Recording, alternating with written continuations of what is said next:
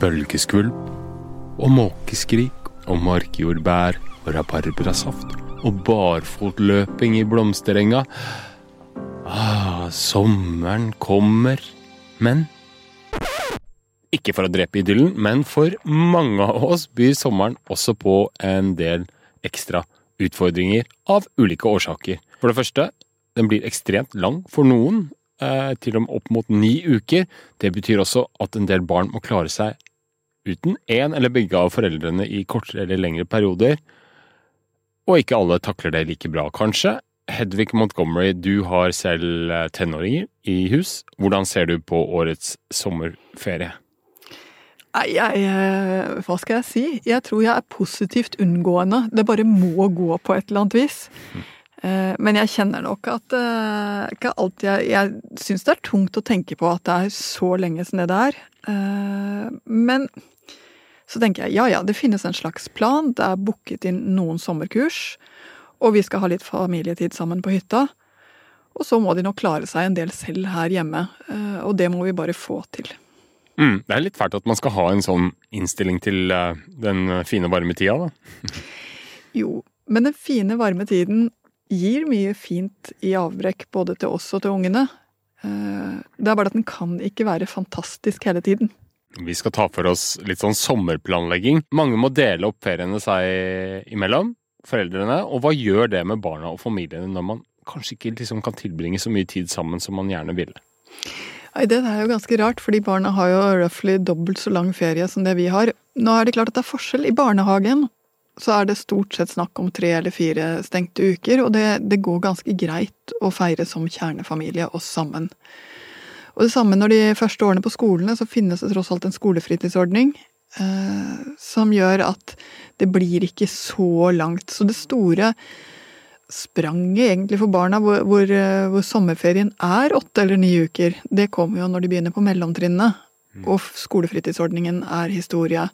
Og det er klart, Da er det noen som er så heldige at de har barn som interesserer seg for mye, som skal dra på cuper eller på treningsleire eller eh, på sommerskoleaktiviteter. Og andre som har barn som eh, faktisk ikke helt vet hva de skal gjøre for noen ting. Eh, Hvor de ni ukene ikke har noen ting naturlig som, som fyller inn, og da er det lenge.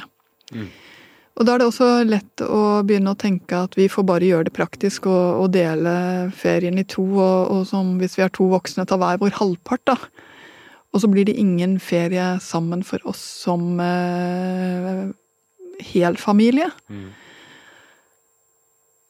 Og det er klart, det er- i hvert fall en praktisk måte å, å tenke på det på, men jeg tror man går glipp av ganske mye hvis man i hvert fall ikke har én uke eller to som, som man er sammen sammen.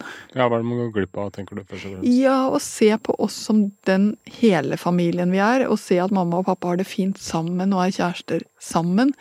eh, Og se at, vi, eh, at det er ingen som skal rekke noe akkurat nå. Og også at ikke hele familien er rigga rundt å passe barn. Altså at de litt større barna blir en slags arbeidsoppgave. Ja, men dette gjør vi jo for at du mm. Ikke sant? For, for det er ikke så bra for et barn å føle seg som en arbeidsoppgave heller. De har, de har jo lyst til å kjenne seg som en del av en familie. Mm. Men kan det ikke også ha en verdi, da? At man eh, får mye alenetid sammen med eh, en forelder, for eksempel? Jo, eh, helt klart. Eh, og det å ha f.eks. én uke hver alene med barna, syns barna ofte er kjempefint. Ja, ja. Eh, det å få lov til å eie sin forelder er det mange barn som setter stor pris på. Det å få gjøre litt spesielle ting som kanskje den andre forelderen ikke er så interessert i. Om det er å fiske med mor hvis hun liker det, eller ro eller noen ting, og så kanskje det er å dra på fjelltur med far som mor ikke er så himla glad i. Altså det er, det er noen sånne Det lager noen muligheter.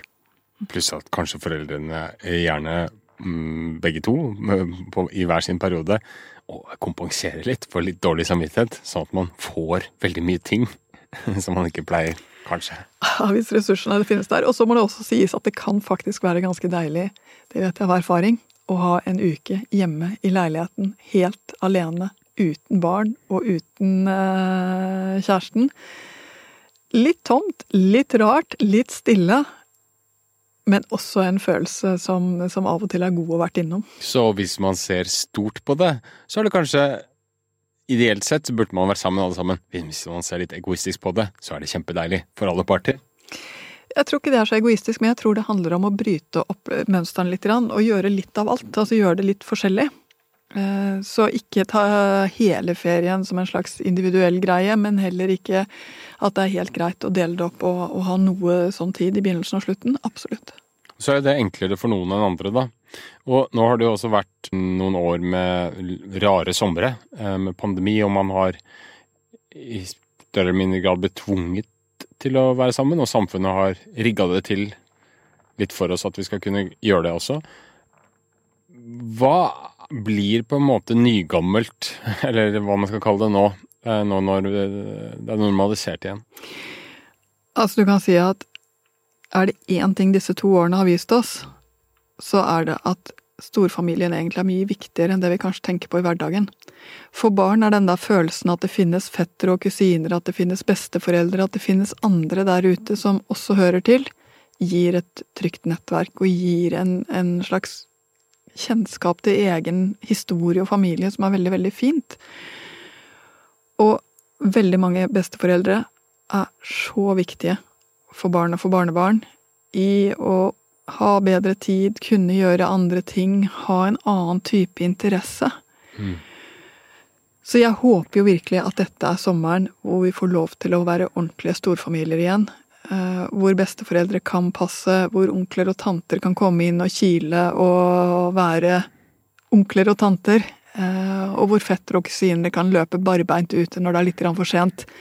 Og kjenne at det er godt å være en større barneflokk enn bare den lille vi er.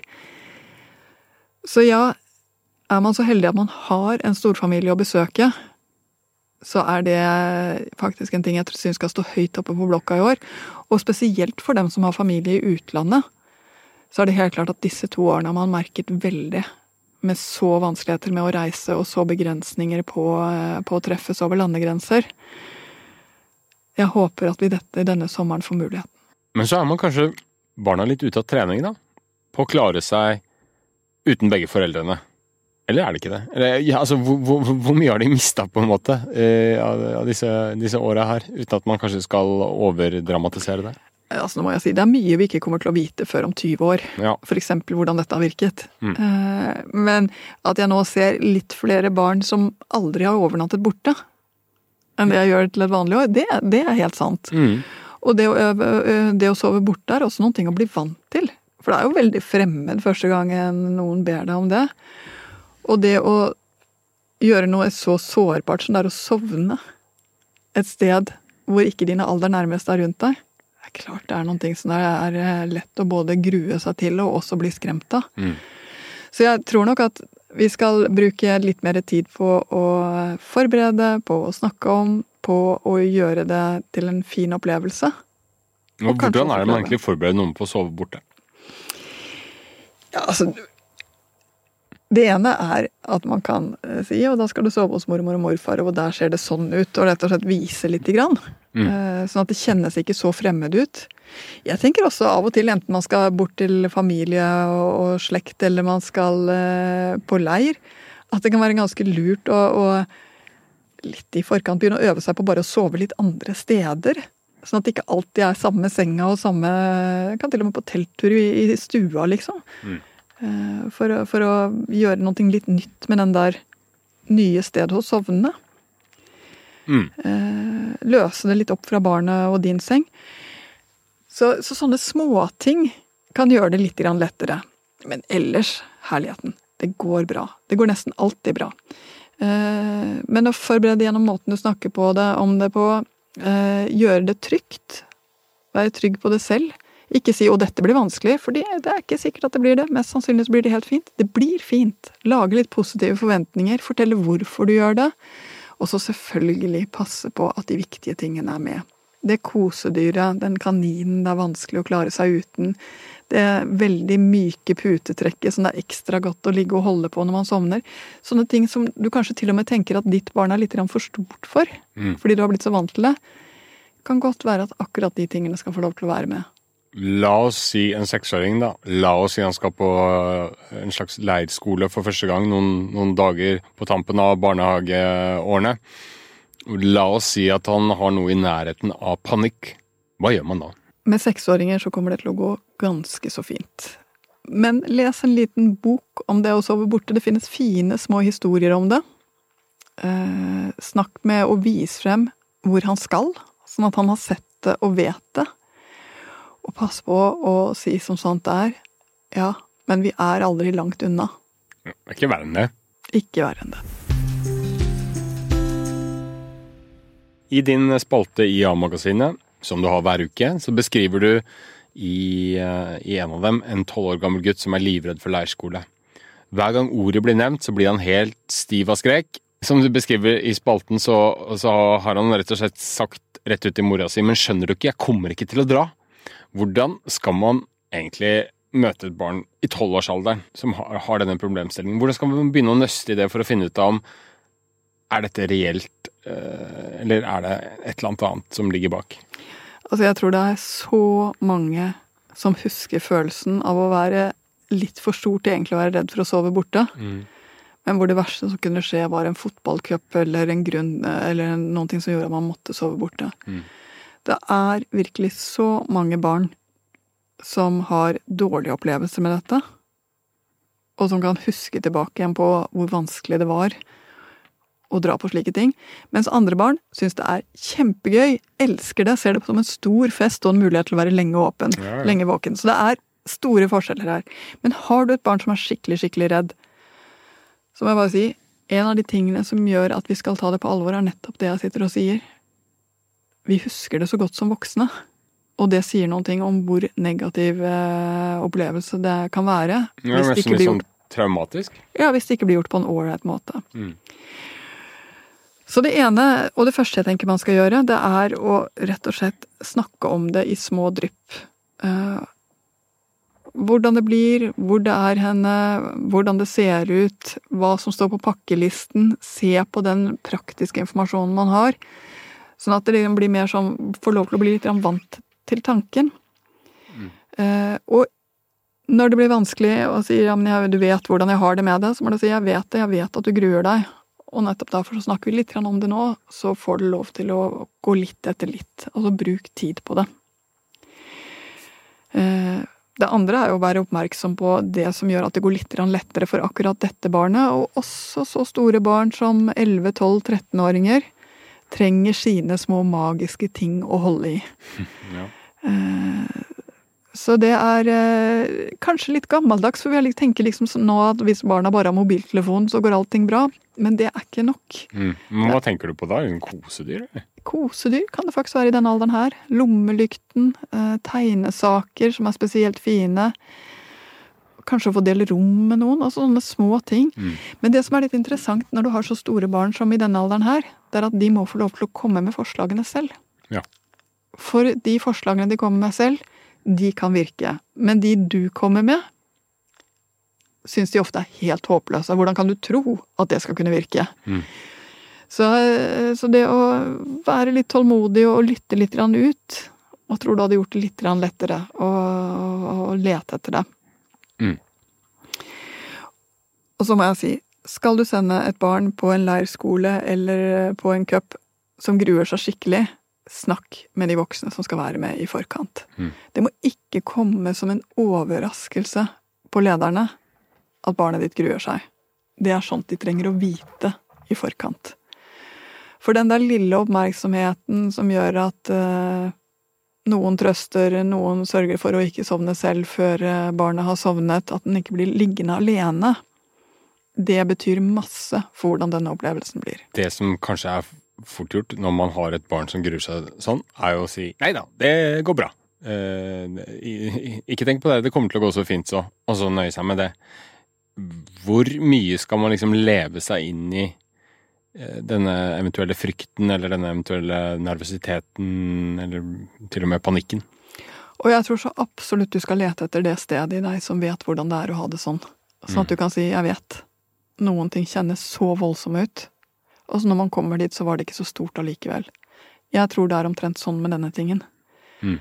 Altså, du skal virkelig dele, og da mener jeg ikke bare sånn at du sier de riktige tingene, men at du skal kjenne etter. Ja, så vanskelig er det å være akkurat der.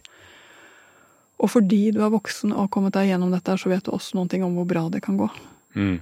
For det er helt klart at det barnet som har dratt på leirskole, og kommer hjem igjen, har vokst en meter. Og jeg tuller ikke. Nei. For det er en mestring i det å klare selv i denne alderen som overgår allting annet, og som absolutt gjør det verdt det. Og det gjør også at det å si 'jeg vet', det kan kjennes kjempeskummelt ut, men man gjør skikkelig fine ting der. Ting jeg vet du kommer til å ha lyst til å gjøre. Ikke nå når du tenker på det i forkant, for nå tenker du mest på det skumle, men når du først kommer dit. Så la oss prøve. Hold på prøvingen, hold på eh, det positive, men ikke uten å kjenne fra hjerte til hjerte hvor vondt det er å være så usikker. Men hvis motviljen er så stor at du begynner å lure på om er dette her helt bra, skal man aldri tenke at ok, kanskje ikke du rett og slett ikke skal dra på dette her? Eller er det, eller er det alltid løsningen å lirke, lure, få dem med? Altså, jeg må si ikke det er klart det kan hende at det ikke går. Det er massevis av ting i livet som ikke går, og så blir det bra allikevel. Men det er jo to ting.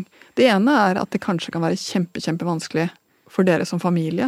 Fordi dette er en del av det som får kabalen til å gå opp. Sånn er det for mange av oss. Og da har vi kanskje ikke så mye annet valg enn å holde på det og gjøre det beste ut av det. Mm. Det andre er at når du kjenner at det er skikkelig, skikkelig vanskelig Jeg ville ikke ha holdt altså uansett. Da hadde jeg prøvd å finne en backup-løsning, men jeg hadde nok prøvd å overtale til å prøve i hvert fall én natt. Se hvordan det går. Fordi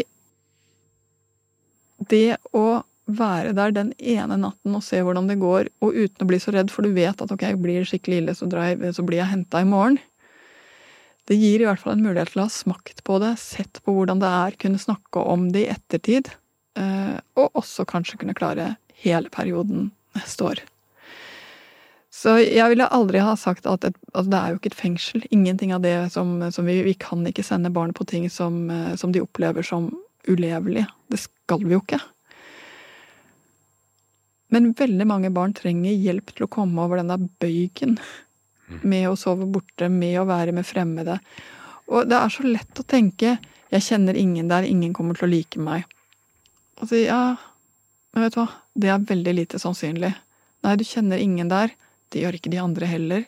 Det kommer, til å være noen som du øh, syns det er ålreit å være med, og noen som liker deg, fordi du er en fin fyr. Rett og slett hjelper dem litt, fordi det er så svart-hvitt-tenkning lett i den alderen det er.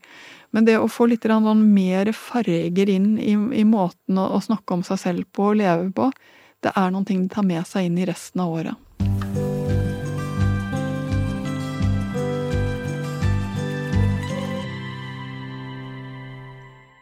Hvis vi går litt tilbake til utgangspunktet her, hva tenker du er eh, når man sitter, setter seg ned med, med sommerferiekabalen, skal få den til å gå opp? Hva er liksom de viktigste tingene å tenke på? Ja, Det ene er faktisk orke å gjøre det. Eh, Selv kan jeg nesten få litt kalendervegring. Mm. Fordi det virker så uoverkommelig. Men det er, ikke, altså, det er ikke noe spesielt voksen måte å håndtere det på. Nei. Og barna trenger at vi er voksne og legger en plan som er sånn noenlunde. Og husk også at for barn så er det ikke de der kjempeopplevelsene nødvendigvis som er det de husker. Det de husker, er ikke Kanskje de ikke engang husker så godt den flotte uka jeg hadde på Kypros, men de husker at vi eh, så en eh, slange oppe i skogholtet som var kjempespennende. Altså, det er så mye av de små opplevelsene. Det er den Det er ikke alltid det som er storslått og kostbart og kjempegjennomtenkt, som er det som er viktig for dem. Det som er viktig for dem, er annerledes tid, og at noen har, senker skuldrene litt og har kontroll på den tiden. Så det å både ikke legge ambisjonsnivået så skyhøyt for hvor utrolig gøy det skal være hele tiden, men mer ned på at vi skal ha en tid som er Vi skal rett og slett ha et avbrekk fra det vanlige livet. Det er det sommerferien er. Mer enn det er eh, noe helt på ukebladsnivå fantastisk. Eh, det tenker jeg faktisk er en ganske viktig tanke å ha med seg. Og det andre er å orke å planlegge. Men den uken så er du med dem, den uken er jeg med dem, den uken så er vi sammen, den uken så er det faktisk eh, leirskole, og den uken der så, så er det besteforeldre. Altså man finner det der puslespillet, sånn at barna også kan se det foran seg. Men skal de tas med inn i planlegginga, tenker du det? I hvert fall skal de få vite hvordan det ser ut. Fordi da er det lettere for dem også å forberede seg og ikke føle seg som en pakke som blir sendt rundt. Å ja, så nå blir jeg sendt til besteforeldrene, ikke sant? Eh, det å få lov til å bygge opp litt forventninger og gode tanker rundt, handler jo også om å ikke bli overrumplet. Og med en sommer hvor eh, noen får opptil ni uker, så er det jo gode muligheter da, til å trekke ned tempo, som du ofte sier har en selvstendig verdi. Ja, for å si det sånn, jeg, vi har ikke store valgene. Eh, men så må jeg si at nå er det som det er.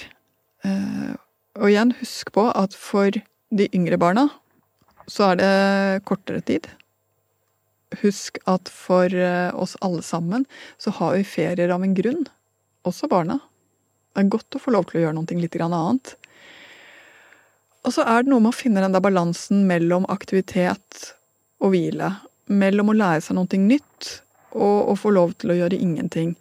Mellom å føle at tiden er uendelig, og at det skjer spennende ting. Og i løpet, enten det er fire uker, eller det er ni uker, eller det er tre uker, eller det er åtte Du har tid til å være innom disse følelsene. Og skulle jeg ønske en ting ut fra denne planleggingen, så er det nettopp å se det. At du får inn litt variasjon i tempo, i hva man gjør, og i hvilke følelser som sitter igjen i barna.